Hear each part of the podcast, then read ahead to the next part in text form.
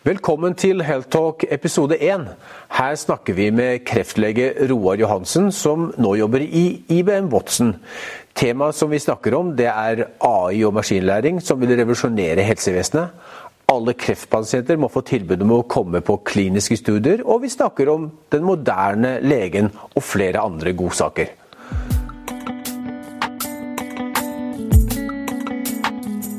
Sitter her med Roar Johansen, eh, som jobber i eh, IBM Watson Health. Eh, han er tidligere fastlege og også onkolog. Og Roar, hva er grunnen til at du valgte å gå bort fra legeprofesjonen og inn i et så stort teknologiselskap som IBM? Hovedårsaken er at jeg tror at utvikling av teknologi trenger å ha med profesjonsfolk. Jeg tror at med min erfaring, både fra pasientarbeid i allmennmedisin, men også som kreftlege, tror jeg vil være veldig nyttig når man skal utvikle og tilpasse teknologi for bruk mot våre pasienter. Så, så jeg føler ikke jeg går fra pasientarbeid, men jeg eh, lager kanskje verktøy som skaper en annen type dialog med pasienter. Så du opplever at du, når du anvender din kliniske og medisinske erfaring i en teknologisk kontekst så er du med å forandre, kunne forandre og forbedre pasientbehandlingen eh, i, i, Norge og Europa? Det tror jeg. Jeg tror faktisk jeg kan hjelpe mange flere òg. Mm. Eh, I stedet for å hjelpe én til én, så tror jeg at med å lage gode beslutningsverktøy og eh, tilgang til kompetanse eh, og også den kunnskapen kunnskap jeg har fått fra å møte pasienter, så tror jeg at jeg kan hjelpe mange flere for problem, problematikken er ganske lik. Om du er i Norge eller i et annet land, så går det mye på det samme. Mm. Du jobber jo i uh, eh, IBM Watson Health. Altså, det er jo en uh, kjent teknologi, uh, i hvert fall i media. den vant Jeopardy for en god del år tilbake. slo ut to amerikanske mestere.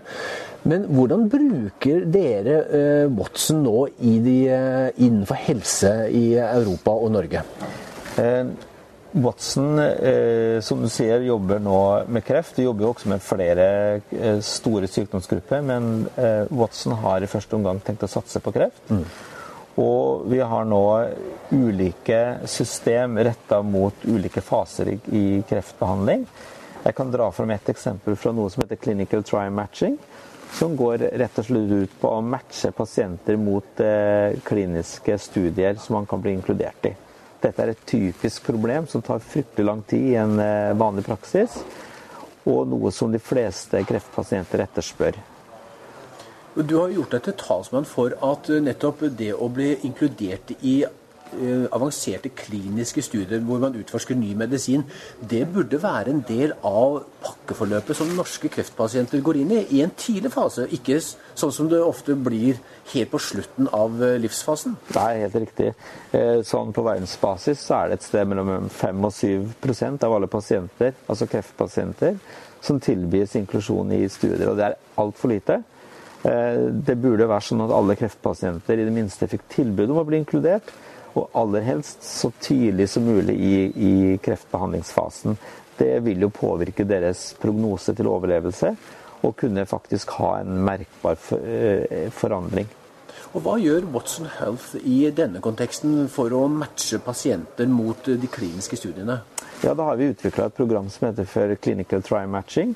Som rett og slett enten med utgangspunkt i en pasient eh, viser alle kliniske studier i nærområdet eller region som en pasient kan, kan inkluderes i. Og det går ofte bare på sekunder. Eller man kan gå rett og slett fra et studie og finne pasienter som kan matches til de kriterier som er for det studiet. Så det er en ekstrem forenkling i den prosessen å kunne bli inkludert i, i studier. Når tror du at uh, Watson vil uh, kunne bli tatt i bruk innenfor en skandinavisk kontekst? For foreløpig så er det jo ikke Watson tatt i bruk av noen sykehus i, i våre regioner. Jeg tror det er ganske nærliggende. Eh, det som er viktig, er at det sentralt sett eh, på en måte anerkjennes at det er et problem, og at man eh, velger å satse på teknologi som allerede nå eksisterer, og ikke bare kjøre nye piloter. Så, så teknologien er jo her. Så Spørsmålet er bare at, at det sentral, sentralt sett er et ønske om det, og at det settes et budsjett til, til dette systemet. Og Hva er din drøm, hvis du skal si det slik, i, i IBM Watson? Hva er det du har som en store visjon som, som du og Watson-teamet ønsker å få til? Min visjon som kreftlege er at pasientene skal få en lett tilgang til kunnskap og samme type kvalitet og behandling uansett hvor du bor. Og hvis mitt bidrag og IBMs bidrag er at det kan endre og faktisk gjøre en, en eh, praksis bedre, og da særlig fra pasientens side, så er vel det det største målet. Det er flott. Det er bra, det. Skal vi se, hvis du ser litt inn i kamera, og så er det bare å starte når du vil. Se inn i kamera først. Eh, AI og maskinlæring er et sentralt tema innenfor alle bransjer i verden, og ikke minst innenfor helsebransjen. Eh, vi er nå på IBMs hovedkvarter i Norge eh, og står sammen med Roar Johansen. Du er kreftlege, du har vært fastlege og jobber nå med IBM og, og jobber med Watson-teknologien. Hva er det artificial intelligence eller kunstig intelligent kommer til å bety for pasientbehandlingen i årene som kommer? Kunstig intelligens kommer til å revolusjonere ikke bare kreftbehandling, men det kommer til å revolusjonere hele helsevesenet. Tjenester vi bruker allerede i dag, slik som røntgen, blodprøver og vanlige helsedata. Men i tillegg så kommer kunstig intelligens med beslutningsverktøy som skal garantere pasientene en lik kvalitet, uansett hvilken lege eller uansett hvilken geografi du har i landet. I dag så stiller jo veldig mange spørsmål om vil kunstig intelligens gjøre personer eh, eh, gjøre at vi, folk mister jobbene? Vil leger og sykepleiere i norsk helsevesen miste jobben som følge av kunstig intelligens innføres? Det har jeg absolutt ingen tro på. Men hvis du bare tenker på at innen kreft så kommer vi til å ha en 40% økning av pasienter i løpet av 10-15 års tid, så sier det seg selv at det er ikke nok hender til disse pasientene. Så det vil alltid være sånn at kunstig intelligens og teknologi må betjenes av helsepersonell med kompetanse. Så dette er et samarbeidsprosjekt mellom helsepersonell og teknologi. Hvordan vil du si Norge ligger an i, eh, i det, det, som går på å være i ledende i front på kunstig intelligens? Ligger vi foran, eller ligger vi bak, vil du si? Jeg vil nok si vi ligger ganske langt bak. Vi har ganske mange pilotprosjekt, men det er ingen helhetlig satsing. Og eh, vi ser i mange sentrale land i Europa at de har kommet mye lengre, er mer nysgjerrig og tør å ta i bruk ny teknologi. Og Det som er en, en av buzzwordene innenfor bransjen, det er interoperabilitet. Et vanskelig ord. Og også, det går på at, at helsedata settes i en bred og enhetlig kontekst, slik at leger og pasienter i større grad ser mulighetene. Hvor eh, kommer, og Hvis du ser ti år frem i tid, hvor kommer vi til å være da eh, i det norske helsevesenet? Forhåpentligvis så er vi litt ferdig med silotenkning. Vi begynner å dele helsedata. Vi begynner å sammenligne mer data fra en organisasjon til en annen, og ta mer nytte av det vi gjør, slik at vi slipper å kaste de data og den erfaringen vi har med pasienter. Så blir utfordringen å samtidig eh, bevare pasientenes rettigheter og den beskyttelse de trenger, samtidig som vi skal lære av deres data.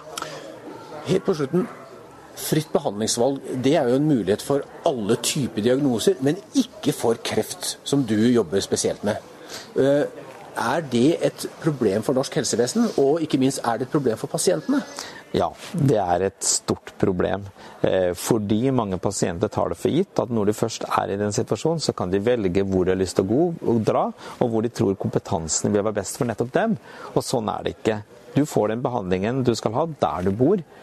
Og dette er en stor motsetning til mange andre kroniske sykdommer i Norge i dag.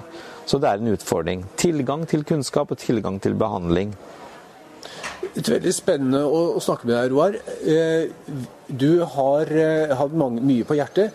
Vi vil snakke med flere som deg, leger som kan teknologi, og ikke minst kan også sette det i en kontekst med det kliniske bildet. Hvilken eh, person vil du sende oss videre til, som vi skal gjøre neste intervju med? Det er mange engasjerte kollegaer, mange som er interesserte. Jeg kan f.eks. anbefale Andreas Stensvold, som eh, er en engasjert kreftlege. Kollega, god kollega ved Kalsnes sykehus. Ta gjerne prat med han. Andreas Stensvold, da kommer vi på besøk til deg. Roar Johansen, kreft er en stor diagnose, og bli, det er stadig flere som får kreft, og flere som overlever kreft. Om noen år så er det blitt 40% flere mennesker med, som lever med kreft i, i Norge. Hvordan skal helsevesenet klare å, å behandle og hjelpe alle disse menneskene? Ja, det er helt riktig. Det blir en stor utfordring. Dette er heller ikke bare en nordisk utfordring, men over hele verden. Vi kommer til å se en bølge av, av kreftpasienter. Én ting er eh, alle de nye vi oppdager med kreft, med prostatakreft og brystkreft, men langt flere overlever, og vi ser nå at kreft er i ferd med å bli en kronisk sykdom. Dette krever mye kunnskap, for disse pasientene skal også følges opp når de kommer hjem, og når de skal tilbake i livet sitt. Så vi får et enormt behov for kompetanse og kunnskap.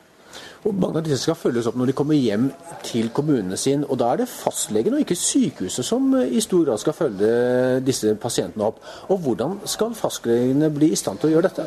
Ja, Det stemmer det at fastlegene vil få et mye større oppfølgingsansvar for kreftpasienter, sammen med eh, kreftkoordinator og andre i kommunen.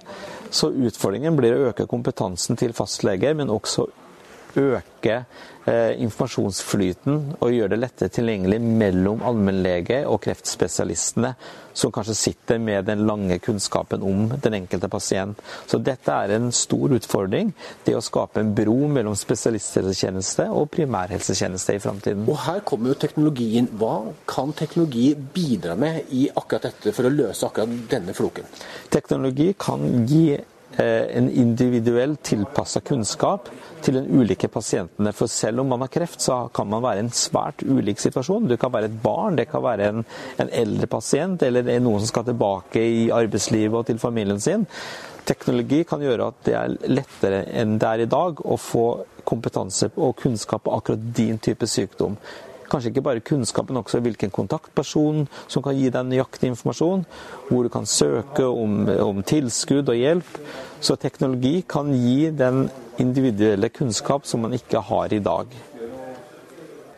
Eh, Roar Johansen, innen 2020 så vil jo medisinsk data fordobles eh, hver annen måned sånn cirka. Hvilke utfordringer eh, får leger som deg da, og kreftleger, hvordan, hvilke utfordringer byr dette på for legene? Ja, Dette betyr mye. For det, Data er veldig positivt fordi vi lærer mer og mer om pasientene våre. Vi lagrer mer informasjon, og vi får tak i mer, mer informasjon fra studier og fra kunnskap generelt. Utfordringen er å sette dette i et system og, og, og kunne nyttiggjøre det fra pasient til pasient. For det som skjer i dag, er ofte at vi dumper det vi har gjort. Vi tar ikke mye av erfaringen fra én pasient til en ny og kan sammenligne eller gjøre dette tilgjengelig for andre leger, at de kan sammenligne sin behandling mot vår. Eh, I den tiden hvor jeg starta som assistentlege, så kunne vi, hadde jeg god tid til å gå inn til, eh, til en eh, mer erfaren lege og diskutere funn. Jeg kunne diskutere studier, og vi kunne se på det sammen. I dag så er klinikken preget av mye kortere tid per pasient, og de med kompetanse er kanskje ikke like tilgjengelig som de var før. Så da går en en lege glipp av eh, læringsmuligheten fordi du ikke har tid lenger til å diskutere. Og du kan òg risikere at ikke du er oppdatert på de siste studiene når du møter pasienter. Så det er svært utfordrende å skulle kunne ta opp og få tak i all informasjon og nyttiggjøre det og sette det i en kontekst som er nyttig for deg selv og pasientene dine. Og Her kommer jo teknologi inn som en muliggjører for å skape orden i et eh, kaos og interoperabilitet, som det heter på en fin måte. Ja, Det er jo det som er helt fantastisk. At i løpet av sekunder så får du altså den mest oppdaterte dataen. De nyeste kliniske studiene linka på din spesifikke pasient der og da. Det er ikke sikkert at du velger å gjøre som beslutningsverktøyet foreslår, men du har alt liggende foran deg der og da. Det gir et helt annet grunnlag i å komme med en god behandlingsforslag til din pasient. Og det er dette noe av det IBM Watson gjør. Eh, samle sammen all informasjon som er tilgjengelig, eh, pakker den sammen og presenterer den for klinikeren, slik at han kan gjøre bedre og bedre valg for pasienten. Det er helt riktig. Og bak all teknologien så sitter det eksperter i grupper og gjennomdiskutere case etter case før de verifiserer og legger dette inn som en treningscase i systemet. Så bak all maskineriet så ligger det mange års erfaring og kunnskap blant de riktige og de flinkeste ekspertene. Så i IBM så jobber det en mengde kreftleger, det jobber mange andre eh, spesialiteter, eh, som nettopp gjør disse tingene og verifiserer og betrygger at den kliniske dataen som presenteres, den er troverdig og kredibel. Ja, det er kanskje en av hovedordene til eh, IBM, og det er å ha åpenhet. Og bare som et eksempel så har vi ekspertpanel fra Memorial Sloan Kettering som sitter der og på en måte både gjennomdiskuterer kunnskapen og godkjenner den før den legges inn i teknologien. Så for en kreftpasient om noen år eh, tilgang, hvor legen deres får tilgang til denne type teknologi, der spår du at eh, de vil få en bedre eh, prognose for sin kreftdiagnose?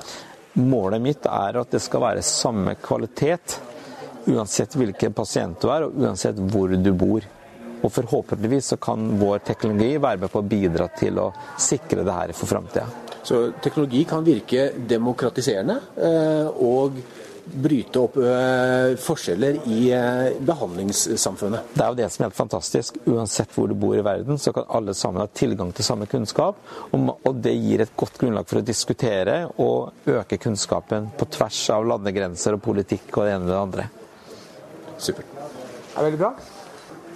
Roar Johansen, mange, mange, har beskrevet legene som eh, teknologikonservative. At de jobber imot eh, de teknologiske trendene som nå ligger foran de i, mm. eh, i, i, samfunnet.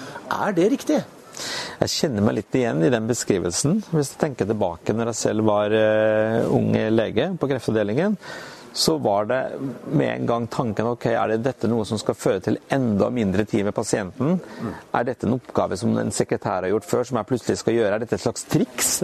Eh, det blir en slags skepsis eh, hvor du er usikker på hvorfor dette egentlig innføres.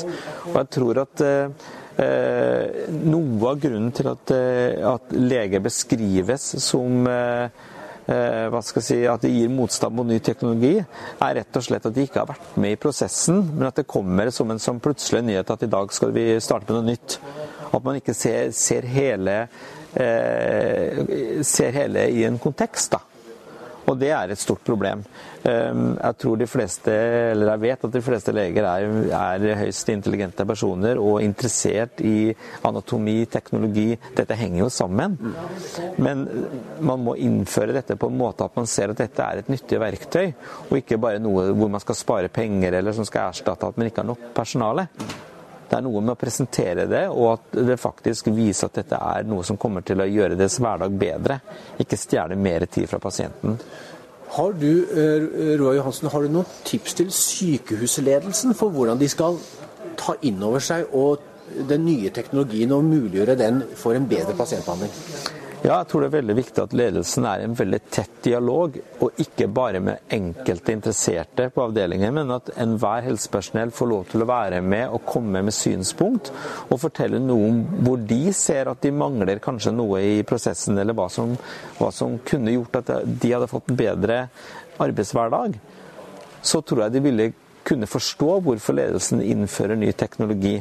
Og det vil også gjøre kanskje at ledelsen nå prioriterer å sette av budsjett til teknologi, fordi da man møter hverandres behov.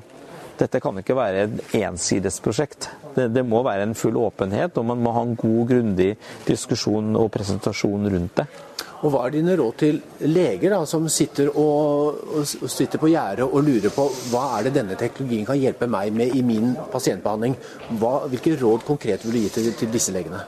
Jeg tenker at disse legene har eh, to valg. Enten så kan du sitte og vente til noen legger et verktøy foran deg og sier at fra i dag av så skal du bruke det. Eller så kan du faktisk være med, komme med forslag, komme med innspill. Være med i diskusjon, følge med hva som foregår. Fordi det har alltid vært sånn at når ny teknologi kommer, så blir mange eh, leger redde. Og man så det samme også med f.eks.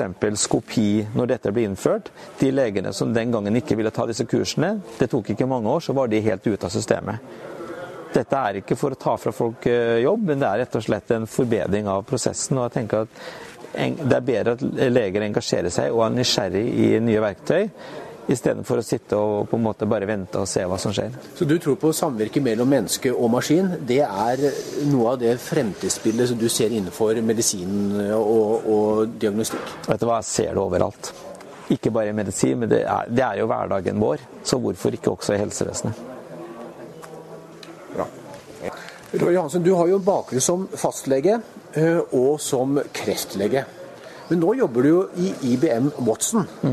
Hva var det som gjorde at du tok eh, skrittet over fra den kliniske hverdagen og inn i den teknologiske hverdagen?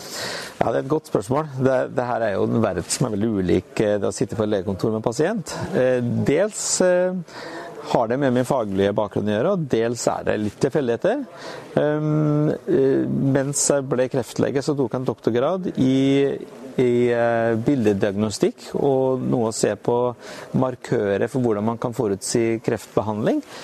Uh, så jeg hadde allerede en slags nysgjerrighet på teknologi og, og, og, og databruk allerede da. Ehm, men det var vel egentlig mens jeg jobbet som kommuneoverlege at jeg faktisk ble headhunta i et eh, annet eh, Medtech-firma i Norge. Så, så, jeg hadde vel ikke egentlig tenkt meg inn i denne businessen sånn Det er ikke noe du planlegger, i hvert fall ikke fra min side. Men når, du, når jeg først fikk denne muligheten, så har det vært helt fantastisk. Det har vært eh, en veldig spennende, og vi er jo i en så tidlig fase i, i digital utvikling i medisin at det er utrolig spennende for å være med på, på denne reisen så tidlig. Hvordan bidrar du nå i IBM Watson med din eh, kliniske kompetanse? Jeg opplever at de vil vite nøyaktig hvordan er det å være lege i en praksis. Hva møter en pasient, Hva er det egentlig pasientene faktisk klager over? Og hvordan, hvordan, er den hverdagen? Så jeg kan ta med meg disse pasientopplevelsene fra kontoret og hjemmet og på sykehuset inn i diskusjoner med ingeniører og andre datafolk. Og prøve å forstå hvordan kan et, et datasystem tilpasse den hverdagen jeg har hatt. Og, og, med de klager og de mangler som man har opplevd ute i kommuner eller på sykehus. Sånn reell erfaring fra det virkelige lege-pasient-forholdet. Det er vel det jeg tar med meg inn. Og som jeg føler også er veldig etterspurt i, i denne teknologiske verden. Det er jo, Norge har jo mange, og Skandinavia har jo mange dyktige, unge, teknologiske eh, fokuserte leger. Eh, egentlig i alle aldre. Vil du anbefale de å, å, gå inn i den samme retningen som du har gjort? Ja, det vil jeg absolutt. Det har gitt meg mye mer enn hva jeg tenkte. Eh, jeg møter en verden som er faktisk veldig nysgjerrig på hva jeg har å bidra med. Og jeg ser òg at min erfaring faktisk kan påvirke utvikling av framtidig teknologi. Eh, så, så, ja, det vil jeg absolutt anbefale. Og det går jo også an å kombinere klinisk arbeid med denne type jobb. Det er jo mange som syns er positivt, faktisk, at man har et ben i begge verden. Og Hva gjør en eh, lege som nå sitter og hører på dette, og som kunne tenke seg å begynne å, å jobbe med IBM eh, Watson? Hva gjør han da? Ja, da, fordi, da håper jeg de kan f.eks. kontakte meg, og så kan jeg sette dem i kontakt med riktige, riktige folk. For det er et behov for eh, helsepersonell av ulike grad, egentlig. Så, men det er en litt lukka verden. Man må kanskje kjenne noen for å finne riktig stilling osv. Men de fins, så de må bare ta kontakt. Skal jeg hjelpe dem. Og da er du der? Ja. Bra. Supert. Ta-da! Dagens utdanningsmodell for, for leger, den er jo egentlig eldgammel. Det er jo nesten tilbake til Hippokrates sin tid. Mm -hmm. eh, men vi går nå inn i en rask endring hvor teknologi kommer til å spille en stadig større rolle for legene og de verktøyene som han og hun må bruke i behandlingen og diagnostisering av pasienten. Men hva skal gjøres med dagens utdanning? Er den god nok? Kan vi gjøre noe bedre der? Det er et godt spørsmål. Eh, eh, Legeutdanningen er en veldig konservativ utdanning, selv om det er ulike måter å gjennomføre det på. Så er det jo mye fokus på anatomi og forståelsen av pasient og behandling. Eh, framtiden vil kreve en mye større innsikt og også interesse for teknologi. Så teknologiforståelse og utdanning bør få mye større plass i generelt helsepersonell sin utdanning. Det gjelder, både sykepleiere og leger for den saks skyld. Det å forstå at, at, den teknologien er du avhengig av for å kunne utføre helt basal alt fra stell til, til behandling, oppfølging, inngrep. Alt vil etter hvert være knytta opp mot teknologi. Så en blanding mellom ingeniørutdanning og helsepersonellutdanning vil nok, bør bli en realitet innen ganske kort tid. Slik at ikke vi henger bakpå hele veien. Kan IBM og tilsvarende selskaper gjøre noe for å en for være en katalysator inn i akkurat eh, denne endringen som du etterlyser? Ja, absolutt. Eh, kunstig intelligens er jo veldig bra egnet for unge folk som er kunnskapssøkende, for det er jo nettopp det vi gjør. Vi knytter oppdatert kunnskap mot, eh, som en søkemotor som er veldig fint tilpassa studenter, på samme måte som det er til vanlige profesjonelle som jobber. Så, så, det å ta i bruk dette utstyret tidlig tror jeg er veldig nyttig. Både, både, for å bli vant til å bruke det og se nytten av det, men også for å bruke det som en kunnskapskilde under utdanning.